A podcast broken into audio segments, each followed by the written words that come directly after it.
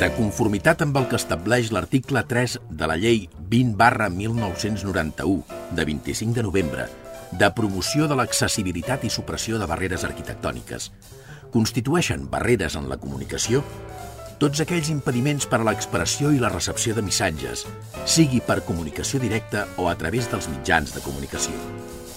És per això que, emparant-nos en aquesta llei, volem que cada ciutadà gaudeixi del seu propi espai per moure's. Un espai sense censura. Un espai en què vosaltres sigueu els protagonistes. En definitiva, un espai per tothom. Benvinguts a Espai Vital.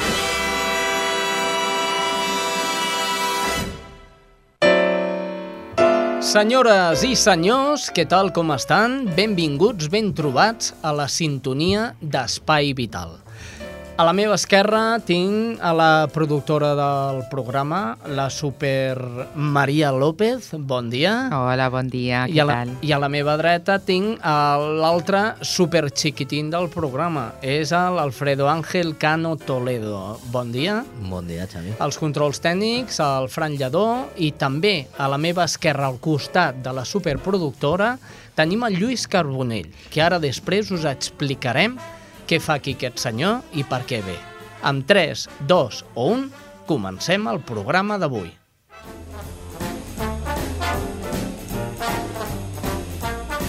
Això és Espai Vital. Doncs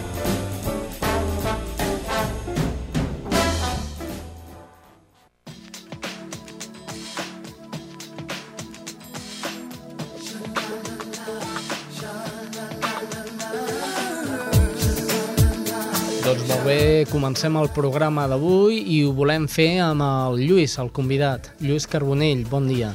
Bon dia. Què tal? Com Molt estem? Bé. Molt content d'estar aquí amb vosaltres. Per què ve Lluís Carbonell? De què ens ve a parlar Lluís Carbonell? Aquest home ha caminat molt. Eh, va fer una, diguem, travessia andando des de Cerdanyola Mhm. fins a Galícia. Fins a quin punt? Finisterre, al final del món, a la fi del món. Ahà. Vas anar a fer el camí de Sant Jaume? Sí. O, o era per una altra raó? Bueno, eh, la raó era, primer, que algun any volia fer el Camino de Santiago, però per una cosa molt important, que era donar a conèixer una malaltia que va, va tenir la meva mare, que és una malaltia d'aquestes minoritàries, que hi ha moltíssimes, i bueno, era per donar-li homenatge a la meva mare i als demés malalts, que hi ha molt poquets. A Espanya hi ha una, uns 3.500, 4.000 persones que tenen aquesta malaltia. Jo no en conec molt poquetes, en conec tres, i crec que era una bona raó per explicar a tothom durant tot el camino, vaig estar 48 dies caminant, eh, donar a conèixer aquesta malaltia per alcaldies, eh, albergs, refugis, a la gent, als peregrins, tot. Eh, una tasca molt important, perquè vostès, eh, si li diuen paràlisi supranuclear progressiva, eh, es quedaran així amb una cara de pasta de moniato de dir "Mm, ¿esto qué es, no? Me estoy muriendo o, o què m'està passando? Doncs és això, el que el Lluís Carbonell va fer era promulgar aquest nom allà on caminava i on passava i explicar què era aquesta malaltia. Doncs nosaltres no sabem de què va això, Lluís. Ens hauries d'explicar què és la paràlisi supranuclear progressiva. A veure, la paràlisi supranuclear progressiva, com eh, en termes són és PSP, és una malaltia neurodegenerativa que causa problemes molt greus al caminar, a la vista i a la parla. Diguem, la persona comença amb unes petites caigudes que nosaltres en principi eh, no, ve- no sabíem el que era fins que vam anar a un neuròleg i ens va dir que aquesta malaltia tenia alguna a veure amb el Parkinson però mm, important era el PSP, aquesta malaltia que és molt minoritària. Uh, va, eh, la meva mare en aquest cas va tenir aquestes caigudes, al cap de temps va començar-li a paralitzar les extremitats, cames, eh, braços, inclús la parla, se li va anar uh, paralitzant les cordes vocals i també una de les coses molt greus que tenen aquesta malaltia és que fins a la seva mort s'enteren totalment de, de, de lo que li passa i no poden fer res perquè no hi ha ni medicació ni tractament per pal·liar aquesta malaltia. I en medicació, medicació solament li poden donar medicació del Parkinson per fer-los alguna cosa, però a la llarga és més un placebo que una altra cosa, no li, fa, no li serveix de res. És a dir, que aquesta, aquesta malaltia, mm, en el termes d'investigació, suposo que encara no ha arribat al seu punt màxim. És a dir, coneixen què és la malaltia, però no eh, la manera de curar aquesta malaltia i com no té cura, segons ens deies? Mm, bueno, eh, no hi ha cura perquè suposo que les farmacèutiques deuen tenir moltes malalties per investigar i tal, i aquesta encara han descobert algunes coses, però és bastant difícil de trobar. Uh, si busquem per internet, uh, a Wikipedia, i, i no existeix més que eh, la definició d'aquesta malaltia i sempre diuen que eh, està en fase encara en estudi, saps? I la veritat és que, bueno, esperem que algun dia la, la meva veu que va ser donar aquest, aquesta malaltia, aquest, eh, explicar a tota la gent, espero que algun dia l'esperança que tots els seus malalts tornin a... Bueno, que puguin confiar que hi hagi un fàrmac, alguna cosa, perquè puguin tenir una vida més digna. De fet, les farmacèutiques eh, miren molt pel malalt, però miren molt també per la seva butxaca i tots ho sabem, sí. que hi ha una polèmica creada que les malalties minoritàries són les que menys s'investiguen i entre elles us puc parlar a nivell personal de l'esclerosi múltiple, que mm, passa tres quarts del mateix, tot i que l'esclerosi múltiple ja està en una fase eh, força avançada. Quina és la finalitat que tu tens a l'hora de fer tot aquest follon que has liat? Bueno, eh, com dir, és, és un, el projecte aquest de eh, Projecte Solidari 2011, Units contra la Paràlisi Supranuclear Progressiva, és sense ànim de lucre, no em vull financiar, no vull res de diners, jo vull simplement donar la meva veu a tothom, perquè és una forma també molt bonica, perquè els diners a mi no em fan feliç. El que és, em fa feliç és explicar a tothom per què passa aquesta malaltia eh, i que sàpiguen tothom que, que, bueno, que existeix això, que tothom per on vaig passar la desconeixia, com mm -hmm. tu ben bé has dit que sí. tampoc no la coneixies, mm -hmm. i la veritat és que és una forma pues, d'explicar de, que, que, bueno, que va passar això amb la meva mare, que tenim que fer el possible perquè es dongui veu a tothom, i jo crec que avui en dia, després de tota l'experiència que he tingut, per tots els pobles que he passat, per tota la gent, jo crec que es coneix alguna més. Diguem. La, el logo del meu, del meu projecte era un arbre despullat, Mm-hmm. que no hi ha fulles i clar, ara ja puc pintar aquelles fulles perquè sé que un pas que he fet pues, ha valgut la pena i d'aquell arbre pues, ha crescut les seves fulles. Quina és la impressió que et va donar? Perquè tal i com passaves pels pobles mm. i anaves explicant, la impressió que et dona la persona que t'escolta, què et diuen?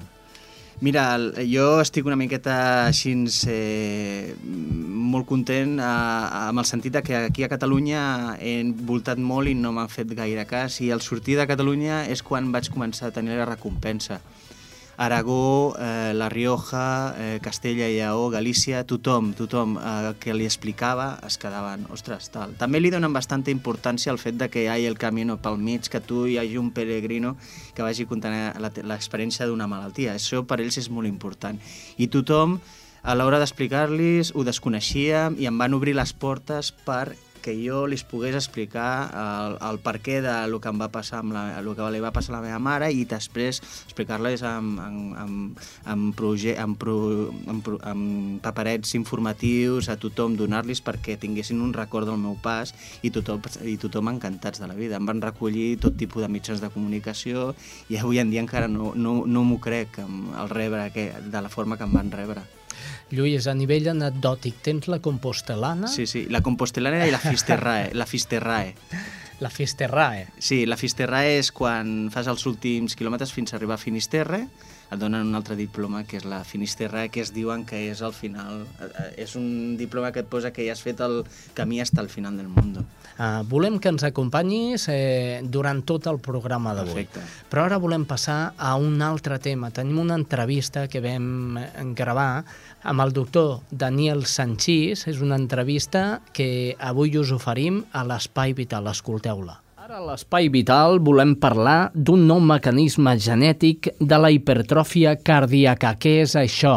Què és el que ens comporta o que, eh, quin estudi s'està fent perquè eh, aquesta malaltia, mm, tal cas ja, ja em corregirà el doctor, eh, doncs pugui minvar aquesta malaltia. No sé si m'explico bé. Doctor Sanchís, bon dia. Hola, bon dia. Eh, què és això de la hipertròfia cardíaca i què és exactament el que han trobat? Doncs mira, us explico. De fet, podem començar, diguéssim, per la base i us volia recordar que, de fet, el, el nostre cor és en realitat un múscul. És un múscul que té forma de bossa, però és semblant als músculs, per exemple, que ens ajuden per moure'ns. La seva funció, com sabeu, és la d'anar impulsant la sang a tot el cos per anar enviant els nutrients i l'oxigen que tot el nostre organisme necessita per viure. Aquesta és la seva funció principal.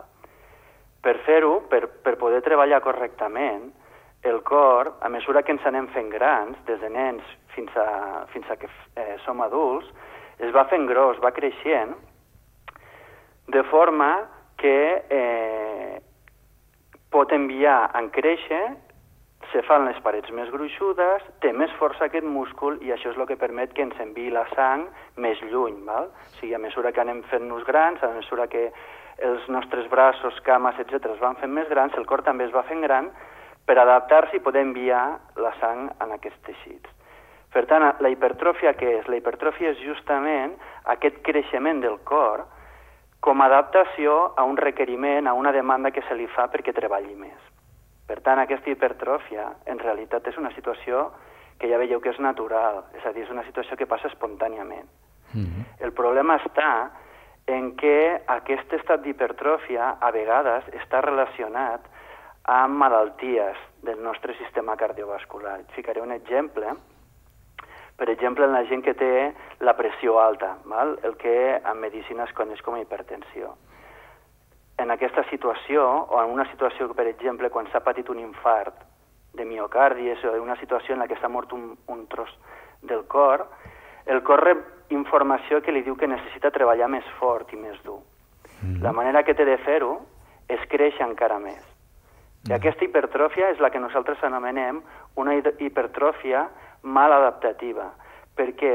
Pues perquè el cor va fent-se gran per ser més fort, per poder enviar la sang de forma més eficaç, però arriba un moment en què aquest creixement el fa més dèbil. D'acord? És a dir, el fa més fluix i al final se fa molt gros, però per capacitat de treball.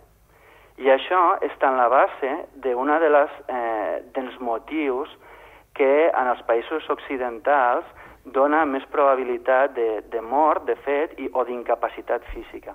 La gent que pateix aquest tipus de, de malaltia, quan el cor ja no, no funciona bé, s'anomena insuficiència cardíaca i això genera problemes, per exemple, pues, quan intentem fer exercici, pues, notem que no tenim força, etc etc. Doctor, Aleshores, digues? doctor eh, eh, vostè ha afirmat, eh, segurament que és així, no? perquè l'audiència eh, potser no ho sap. Mm. Quan patim un petit atat de cor, un, mm. un amago d'atat de cor, sí. eh, la part afectada ja no recupera, no? Exacte. És a dir, que es mor a, a poc a poc el cor. Sí. I el problema està en que el cor, a diferència d'altres teixits, a diferència d'altres parts del nostre organisme, eh, no pot regenerar. És a dir, que la part que s'ha mort no, la, no es pot reposar. De fet, que justament és aquest el problema que fa que la resta del cor que queda viu hagi de treballar més fort. Uh -huh. val? I aleshores, com que ha de treballar més fort, la manera que té de respondre és fer-se més gruixut. Val? Val. És a dir, la hipertròfia es basa en, en l'engruiximent... Exacte, de la de... paret del muscular. Ah, val. I això, això deu passar també com el, amb malalties com l'esclerosi múltiple, per exemple, que eh, si fas exercici i vas forçant el múscul i el múscul es va tornant cada cop més fort, eh, caminen eh, amb, amb més problemes o parlen amb més problemes o aquí es mouen... Ja, sí, és cert, però aquí ja hi s'hi barregen també problemes neurològics, problemes del sistema nerviós. Uh -huh. En el cas de la hipertròfia cardíaca, bàsicament és això, el cor rep un senyal que li diu has de treballar més mm. i el cor l'única manera que té de respondre positivament és fer-se més fort i més gruixut. Uh -huh. I aquí el problema resideix en què si això és sostingut, si això es manté al llarg de molt de temps, arriba un moment que se fa massa gros, no vol dir que se faci enormement gros, però simplement incrementant un 30% és el que està estimat, un 30% d'increment en el tamany fa que comencin a haver problemes perquè deixa de ser eficaç. Molt bé, eh, el metge que mira el cor s'adona que el cor és molt més gran fins a quin cert límit. Vull, eh, és a dir, eh, un cor es veu eh, amb una radiografia... Amb una radiografia o amb una ecocardiografia, és el ah. que normalment se fa. Val, doncs eh, el metge veu que el cor està gran a, eh, a partir de quin punt? És a dir, quan podem dir que el cor està gran? El cor està gran quan... Bueno, hi ha taules... Quan és gran, no? Sí, hi ha taules com... Di, di, a veure, com te diria? Hi ha unes taules numèriques, com per també saber aquesta persona és més alta o més baixa de lo normal. Pues, uh -huh. El cor, diguéssim, que passa el mateix. De fet, el tamany del cor no és una cosa absolutament fixada, sinó que se suposa que per un tamany, per un pes corporal, etc., pues el cor ha de tenir un tamany determinat. Aleshores, fonamentant-se en aquestes bases i sobretot en l'experiència del cardiòleg, el cardiòleg pot arribar a la conclusió de que el cor s'està fent gros en excés. No només, eh, una altra de les coses que també ajuda en el diagnòstic és no només que el cor se va fent gros, perquè si es fa gros i funciona bé no hi ha gaire problema, tu fixa't que hi ha una hipertròfia també similar en atletes d'èlit, en atletes professionals, en jugadors de futbol, sí que quan entrenen molt el cor justament se'ls fa hipertròfic per poder mantenir aquesta activitat física tan elevada. El, el cardiòleg el que veu no és, no és només que el cor sembla que pel pes i el tamany del cos de la persona està una mica més gros del normal, sinó quan s'alarma el metge és quan aquest cor, per uns altres tipus d'anàlisis, es veu que funciona pitjor. Uh -huh. Val? És a dir, que no té la capacitat d'enviar la sang amb suficient força cap a fora. Val. Això... Aleshores és quan es detecta el problema d'insuficiència. Uh -huh. Molt bé, doctor. Eh, parlem una mica de l'estudi, sí. d'aquest estudi. Exacte. Molt... Doncs, bueno, ara us he introduït, diguéssim, el que uh -huh. significa la hipertròfia, la hipertròfia maladaptativa, el risc que comporta, i aleshores es comenta justament que fins ara els mecanismes, és a dir, el per què succeïa això, uh -huh. eh, no estava massa clar i de fet justament el que aporta el nostre treball per, eh, per lo que diguéssim ha estat tan ben publicat, etc i ha tingut tanta bona acceptació, és perquè nosaltres hem descobert una substància, un component del nostre organisme que s'anomena endogè, que és una proteïna i que justament està regulant aquest creixement. Per tant, el que aporta el nostre treball és, diguéssim, aclarir una mica les regles del joc de la hipertròfia cardíaca d'acord? Uh -huh. De forma que aportant una mica les regles del joc és de suposar, és de suposar vaja, estem segurs que les nostres investigacions i les d'altres grups el que ajudaran serà dir, bueno, ara ja sabem com passa això, com succeeix, anem a intentar regular-lo perquè no esdevingui un problema, perquè no esdevingui una malaltia. Aquesta proteïna endo G que ens comentava, està controlada o no està controlada? Tot, tot, tot el que tenim a dintre del cos està controlat, justament. De fet, aquesta proteïna, el nostre cor la produeix perquè l'ajuda a obtenir millor l'energia que ell necessita justament per, per treballar. El cor, a part de ser un, un òrgan que està enviant la sang amb nutrients i oxigen a altres teixits, ell també necessita alimentar-se, mm. d'acord? I aquesta proteïna l'ajuda o sigui, quan està present, l'ajuda de forma normal a créixer i a obtenir l'energia que necessita per treballar.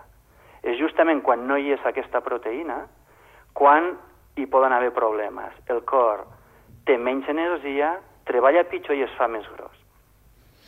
Doctor, jo li demanaria, si us plau, que eh, en nom de, dels nostres oients mm. ens digués què hem de fer perquè el nostre cor segueixi sent el que ha estat en un principi. Doncs justament això que dius és molt interessant perquè moltes vegades el que ens pregunten és dir, bueno, i això com arreglarà una malaltia del cor? i tot i que estamos en ello, com, tot i que aquestes regles del joc que acabem d'esbrinar ens ajudaran a trobar solucions, com dius tu bé, el més important és prevenir. El més important és intentar evitar situacions en les que el cor se'ns faci massa gran. Eh, com t'he comentat abans, aquest cor hipertròfic és, diguéssim, un resultat de molt diferents tipus de malalties del sistema cardiovascular, com per exemple tenir la pressió alta, l'hipertensió arterial. El que s'ha de fer és intentar seguir una vida tot lo sana que puguem, fer una mica d'exercici, cadascú amb el seu ritme, cadascú sense forçar-se, però sí que intentar no ser tan sedentaris. I després, a nivell alimentari, per suposat, d'acord? Està seguint unes dietes saludables, que tinguin greixos, per suposat, però que no siguin en excés. Perquè tots aquests problemes, l'excés de greixos, l'excés de ficar sal en els menjars, hi ha molta gent, jo conec molta gent, jo intento evitar-ho perquè també m'agraden les coses salades, però intento evitar. Hi ha gent que en fiquem massa sal als aliments, d'acord? Mm -hmm i això s'ha de reduir tant com se pugui, perquè la sal en augment en la dieta és la base, una de les bases o un dels motius de la pressió elevada a la sang i l'increment en la ingesta, eh, l'augment en el menjar greixos és un dels riscos d'infart. Per tant, evitant aquestes dues coses, ens assegurem de no patir ni hipertensió ni un infart. I això és la millor manera d'evitar un cor hipertròfic. I suposo que fer exercici amb molta mesura... Exacte. Eh, perquè si no s'engrandeix el cor també. Sí, això justament, fixa't tu les curiositats que té la vida, que justament eh, el dia que, que, que va sortir a, a la premsa que ens havien publicat l'article, mhm. -huh. també hi havia, hi havia una nota en, en les notícies d'esports de que hi havia hagut un jugador de la, de la Lliga Professional de Futbol que s'havia retirat justament perquè els metges li havien suggerit que havia de deixar de fer esport d'èlit perquè tenia el cor hipertròfic i això el podia posar en perill de mort. Uh -huh. De forma que fer un exercici per sobre de les nostres possibilitats també és un risc també és un risc molt important que hem de reduir. Uh, a l'hora que estic pensant en esport i el cor, uh -huh. em ve al cap eh, eh, les, els problemes que hi han hagut eh, de jugadors que es moren sobtadament. Això també és culpa del cor o, o d'on ve això? Sovint, sovint és culpa del cor. El que passa és que hi ha moltes vegades que són problemes que afecten, diguéssim, a els senyals elèctrics, mm. d'acord? Que fan que el cor bategui com ho ha de fer. Però com et comentava abans, és veritat que sovint el que succeeix és que hi ha esportistes d'èlit que han de retirar-se de l'activitat la, de eh, que tenen perquè els metges els hi aconsellen de fer-ho per evitar que el cor, que se'ls ha fet gran de forma natural, esdevingui un problema. Doncs molt bé, doctor Daniel Sanchís, eh, li agraïm moltíssim la seva atenció amb els micròfons d'Espai Vital i l'animem a seguir investigant. Doncs pues moltes gràcies a vosaltres. Fins una altra. Adéu. I no sé jo, havent escoltat aquesta entrevista, uh, Lluís, tu no tindràs un cor hipertròfic. Bueno, eh... Ara mateix, home, de fet, el camí de Santiago, si has forçat molt la marxa... He fet altres coses una miqueta més d'orilles, com ultratrails i coses aquestes, que és córrer per la muntanya i fer 100 quilòmetres en 24 hores, coses d'aquestes, i el cor. Eh, fet, jo, quan feia fa 6 anys que no feia res d'esport, he fet proves de, de resistència per veure com... I m'he donat compte que el meu cor s'ha engrandit. Uh -huh. S'ha engrandit. Està, I... més, està més vital. Saps? El que passa és que diuen que no és tan bo perquè molts futbolistes i molts esports d'èlit, molta gent s'han quedat pel camí. Per exemple, i si t'enamores, Maria, tu creus que s'engrandeix el cor? Eh, sí. Sí. Sí, directament. S'engrandece, no? Ho diu una persona molt, molt, molt enamorada. Chiquitín, ¿tú estás enamorado? Yo, claro. ¿Sí? Sí. Bueno.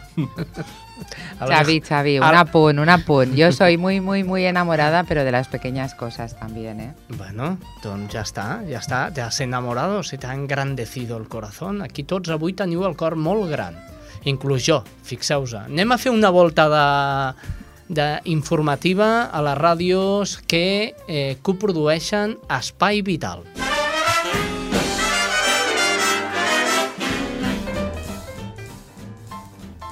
I comencem amb Cerdanyola. La crònica ens arriba de la veu de la Mònica González. Bon dia. Molt bon dia, Xavi, des de Cerdanyola Ràdio. Sota el lema No li donis més voltes, festa a la prova, es realitzava la setmana passada al campus de la Universitat Autònoma de Barcelona una campanya destinada a sensibilitzar i informar sobre la importància de fer-se la prova ràpida de la sida.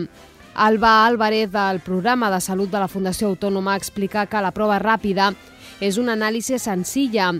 Es fa amb una gota de sang, només es requereix d'una punxada al dit i no és necessari estar en dejú. El resultat s'obté en aproximadament 15-20 minuts. La fiabilitat d'aquesta prova és superior al 99%. Ara bé, perquè els resultats siguin fiables, han d'haver passat 3 mesos de la possible transmissió. Álvarez remarca que la prova es fa amb l'acompanyament i assessorament d'una infermera d'Actua Vallès i que un dels objectius és crear un espai per promoure la sexualitat i efectivitat saludable.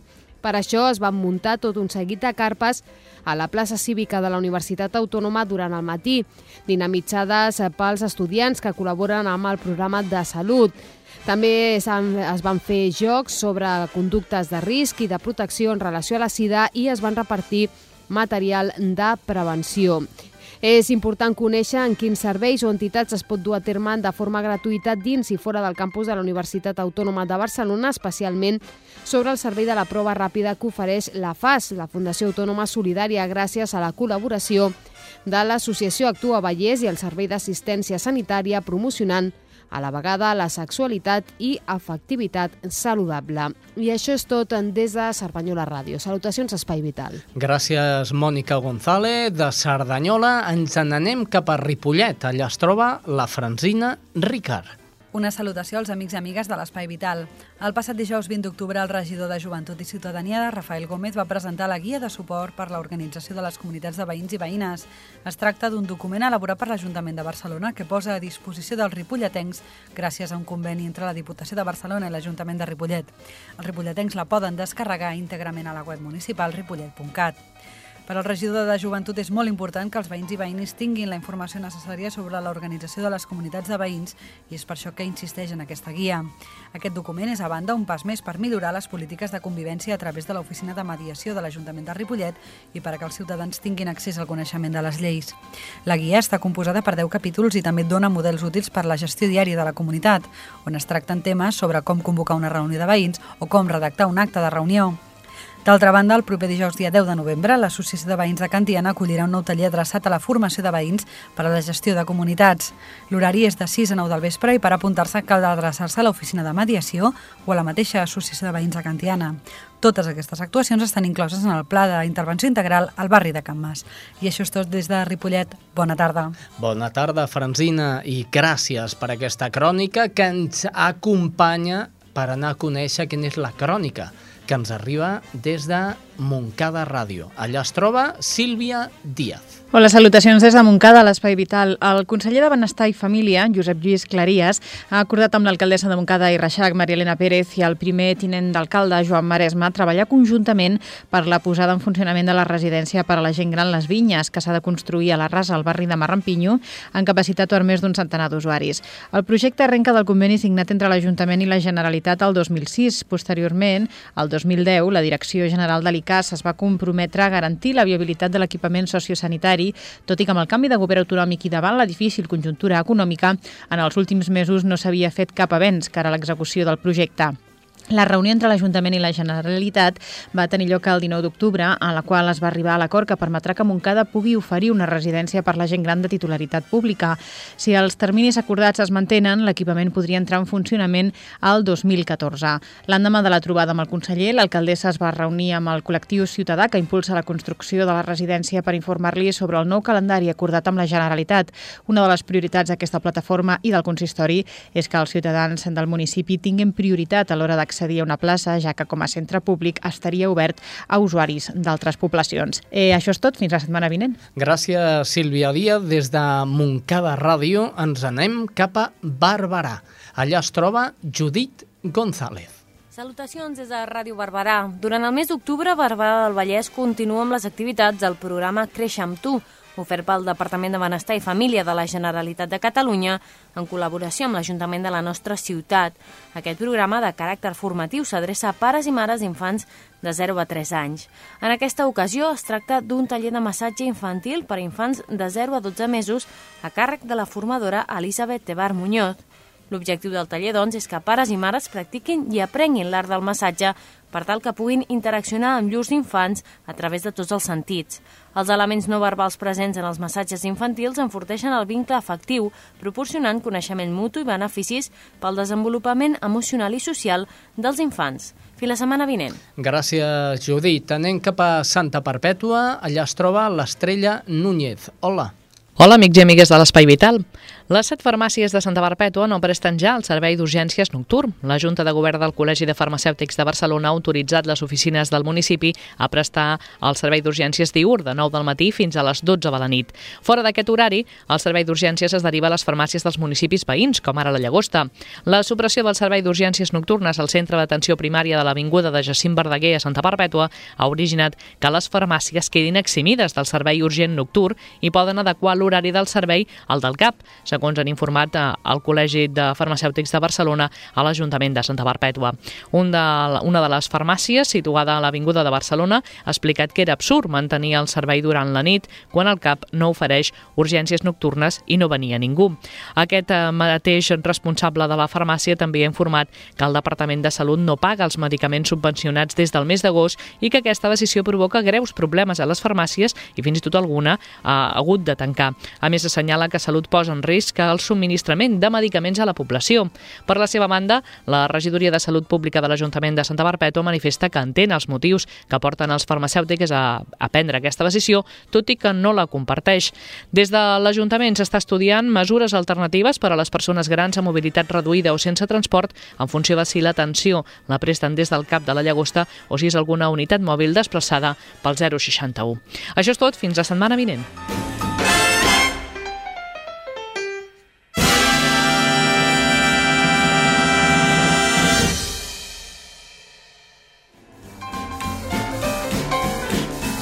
Això és Espai Vital.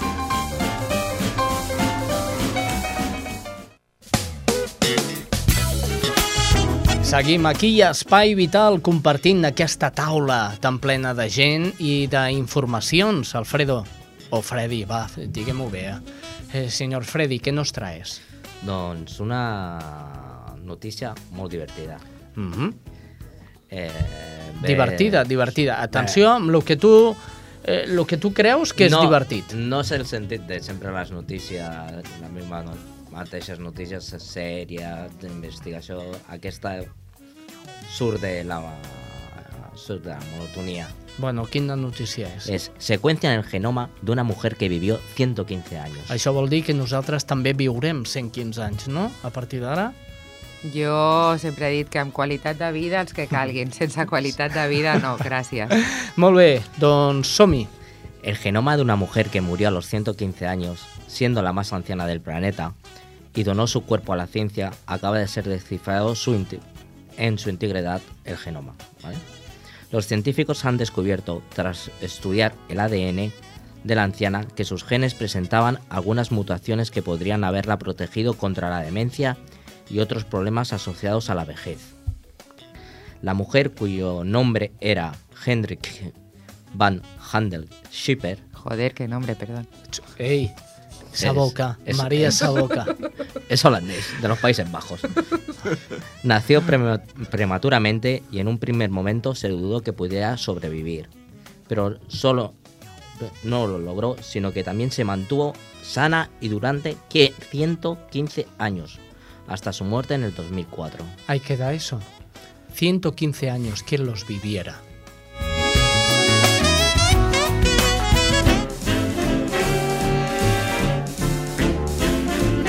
Estàs escoltant Espai Vital.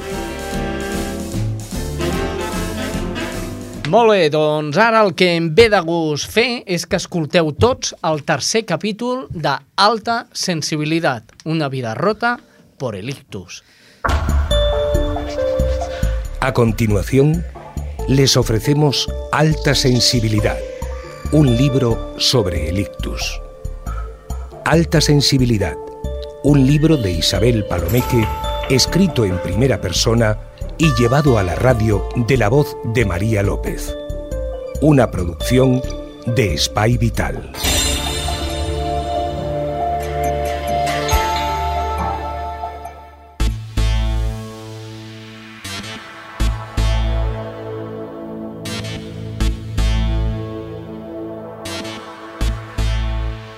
Una década atrás, la noche del viernes 28 de febrero, habría muerto.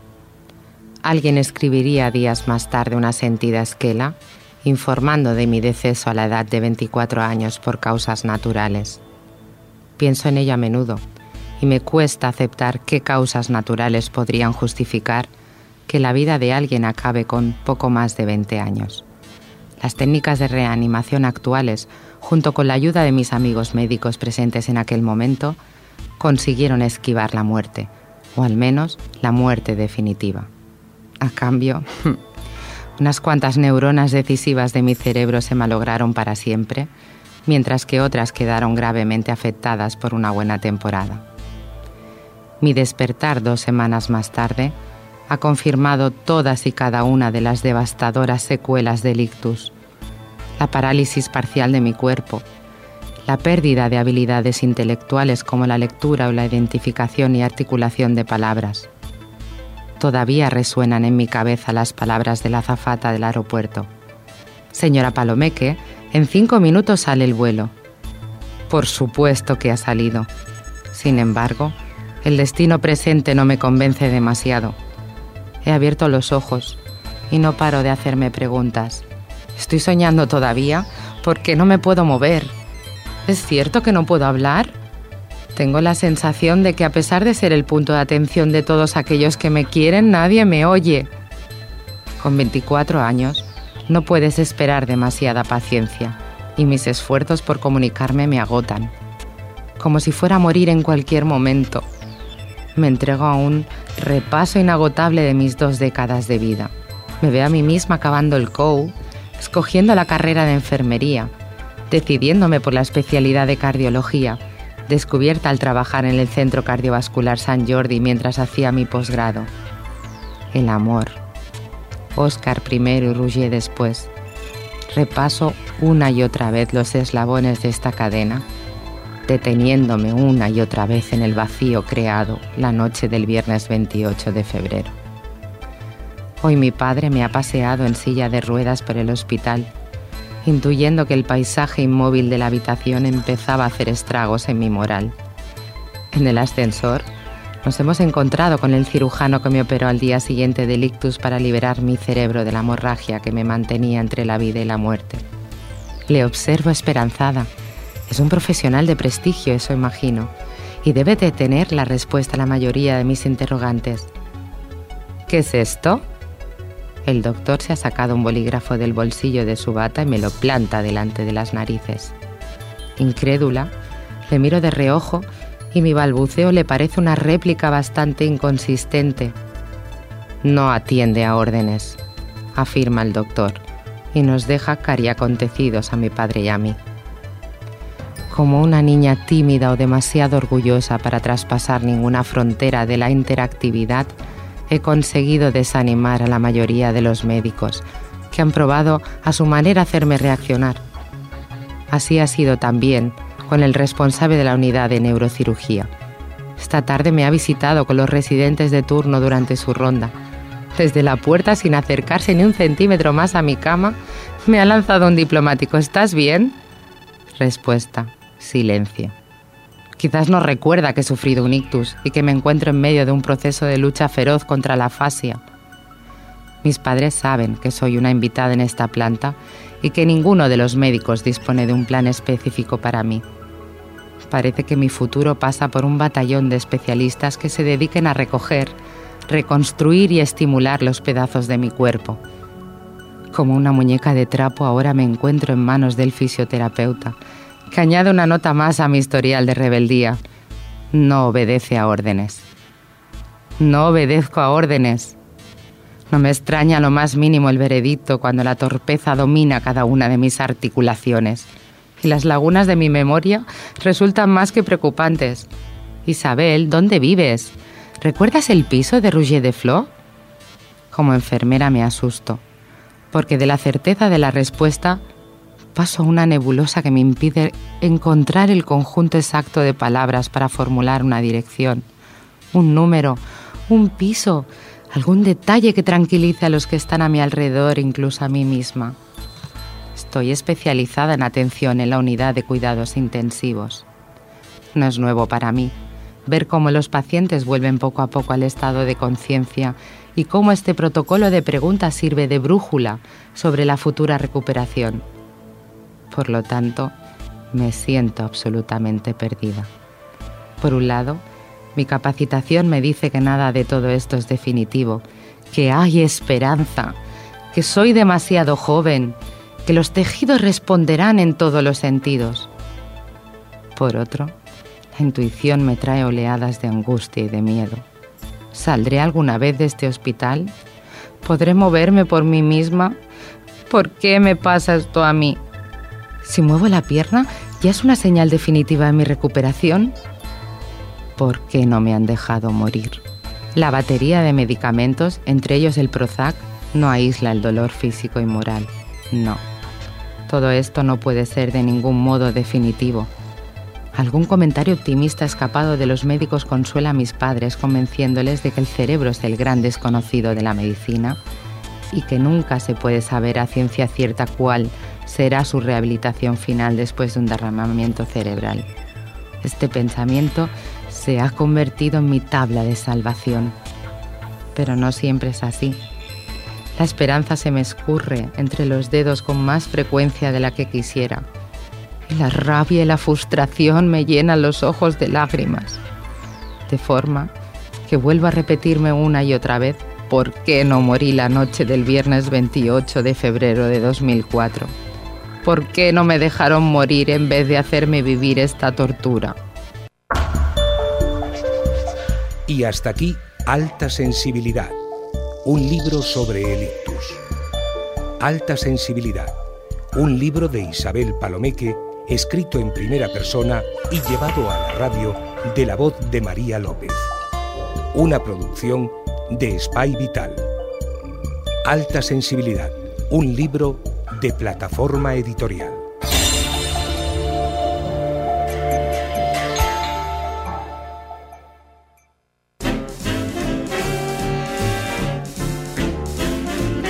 Estàs escoltant Espai Vital. Doncs molt bé, López, ho has fet molt bé, eh? La López ha hablado mucho, ¿no? Ha hablado mucho, gràcies. sí. Va ser durillo, eh, la Durillo, gravació, no, la sí, veritat. tant, i tant. Si no fos per ella. Oi que sí? Eh, el Ves? programa. Tu et dones compte si ara no de la donat joia paraula. que tenim aquí Sí, la al joia de la programa. corona. Maria López, eh, la que ha ficat la veu a la versió radiofònica del llibre Alta Sensibilitat, una vida rota por el ictus. Molt bé, com sensibilitat tenim a l'hora de menjar, i és que ara toca la recepta de cuina. I recordem, no tenim la Teresa Diviu, perquè, bé, ens va deixar aquest passat setembre, però sí tenim a la Conxita Naudi, que s'ha incorporat com a cuinera nova de l'Espai Vital. Doncs, si us sembla bé, anem a... Anem... Un apunt, Xavi. No la tenim físicament, però a la Teresa la tenim i la tindrem sempre amb nosaltres. al nostre cor. Home, jo no volia tocar la sensibilitat aquesta. Tu saps que no som tan sensibles. Jo sí, jo sí.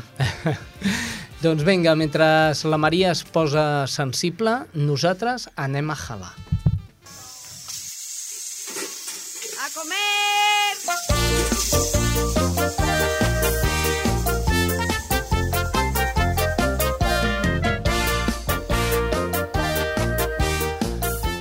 Hola, Xavi.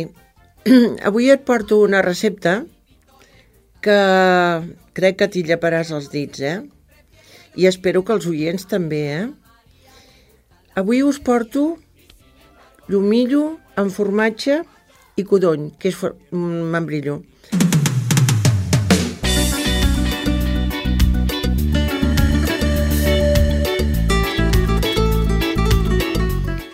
Mira, els ingredients he comptat que és per dues persones.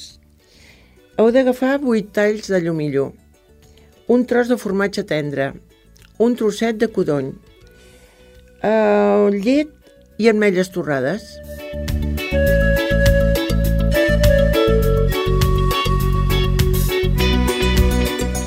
La preparació, mireu, preneu nota. Eh, en primer lloc agafeu els talls de llumillo i els passeu per la paella. Que no quedin molt fregits perquè si no ja sabeu que el llumillo queda eixut. Això ho aneu posant en una plata que vagi al forn. Aleshores, a sobre cada tall hi poseu un trosset de formatge tendre i un trosset de membrillo. A sobre hi torneu a posar un altre tall de llumillo i així ens aneu fent uns llibrets. Aleshores, el que heu de fer és agafar la llet i posar-la en una paella. Agafeu les ametlles torrades, les tritureu, si teniu una batedora d'aquelles, però que no us quedin les ametlles que quedin pols, eh? que, que es noti una miqueta. I quan la llet arrenca el bull i tireu les ametlles i li doneu unes quantes voltes. Aleshores, el que heu de fer és tirar-ho per sobre el llumillo, que quedi tot ple, que, cobert. I això ho poseu al forn. El forn l'haureu preescalfat a 170 graus perquè eh, el que necessita aquest plat és que un cop estigui dins el forn estigui 10 minuts. Que quedi salsa, el llumillo ja està cuit i el que té que fer és que només el formatge i el codony es desfagin una miqueta i que quedi salseta perquè ja veureu, a part de llepar-vos els dits, sucareu pa, eh? Doncs bé, eh, fins ara i que us vagi de gust. Fins la setmana que ve. Doncs molt bé, ens anirà de gust. Eh, Maria? Sí, a mi no m'agrada gaire el codony, la veritat, però I, sí, segur. I el domillo? Sí, Sí? m'agrada. El meu sempre ho dic, no és de l'aire, és de menjar. És de menjar, però de menjar fruita, no? I verdures. I car, i peix, i, i de tot. Es té de menjar tot a la vida. I això que eh, té un cos que si la veiéssiu diríeu mmm, aquesta noia... Savi. Aquesta noia... Eh? Té un cos de ole. Tinc, tinc un cor millor. Bé, una sensibilitat especial. Eh? Això no sé, això no sé, ho hauríem de preguntar. També tinc una mala llet especial. Ai. Molt bé, abans de que se'n foti més de mala llet, eh, vostès, senyors, gràcies per haver estat avui escoltant-nos, aguantant-nos, gràcies a l'Oriol. Lluís. Al Lluís. Ai, Lluís. Bueno, però és que ja... Carbonell. Ja... Ah, ho deia... Ah, mira, saps què passa? Que a l'Oriol Carbonell és el, el, el president dels Amics del Blues de Cerdanyola, que ara precisament estan fent el Festival Internacional Blues de Cerdanyola. Per això m'equivocava. Oriol per Lluís. Ho sento, Lluís. No passa res, m'han dit altres coses, eh, també.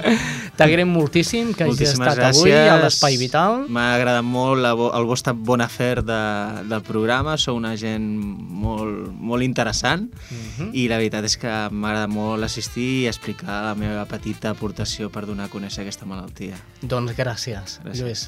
Gràcies a Maria López. Avui m'ha tingut una mica castigada el Xavi, ho tinc a dir, eh? Ala, ja serà menys. Ai. Eh, I Freddy, merci, també. No, gracias a tu. Y la López habla mucho, ¿eh? Salutacions al tècnic, al Fran Lledó, que avui ha estat, després de molt temps, eh, avui ha entrat a, a la ràdio i ha dit jo vull fer de tècnic de, del programa. I jo em volia acomiadar eh, escoltant una música, una petició personal del Lluís Carbonell, que em deia, qui, quina, quina volies? Bueno, un dels meus artistes preferits, el Peter Gabriel amb Red Rain. Red Rain, no sé jo si ja està sonant aquest, eh? Doncs amb Red Rain ens quedem. Senyors, la setmana que ve tornem a estar aquí. No ens perdin l'uia. Adéu-siau.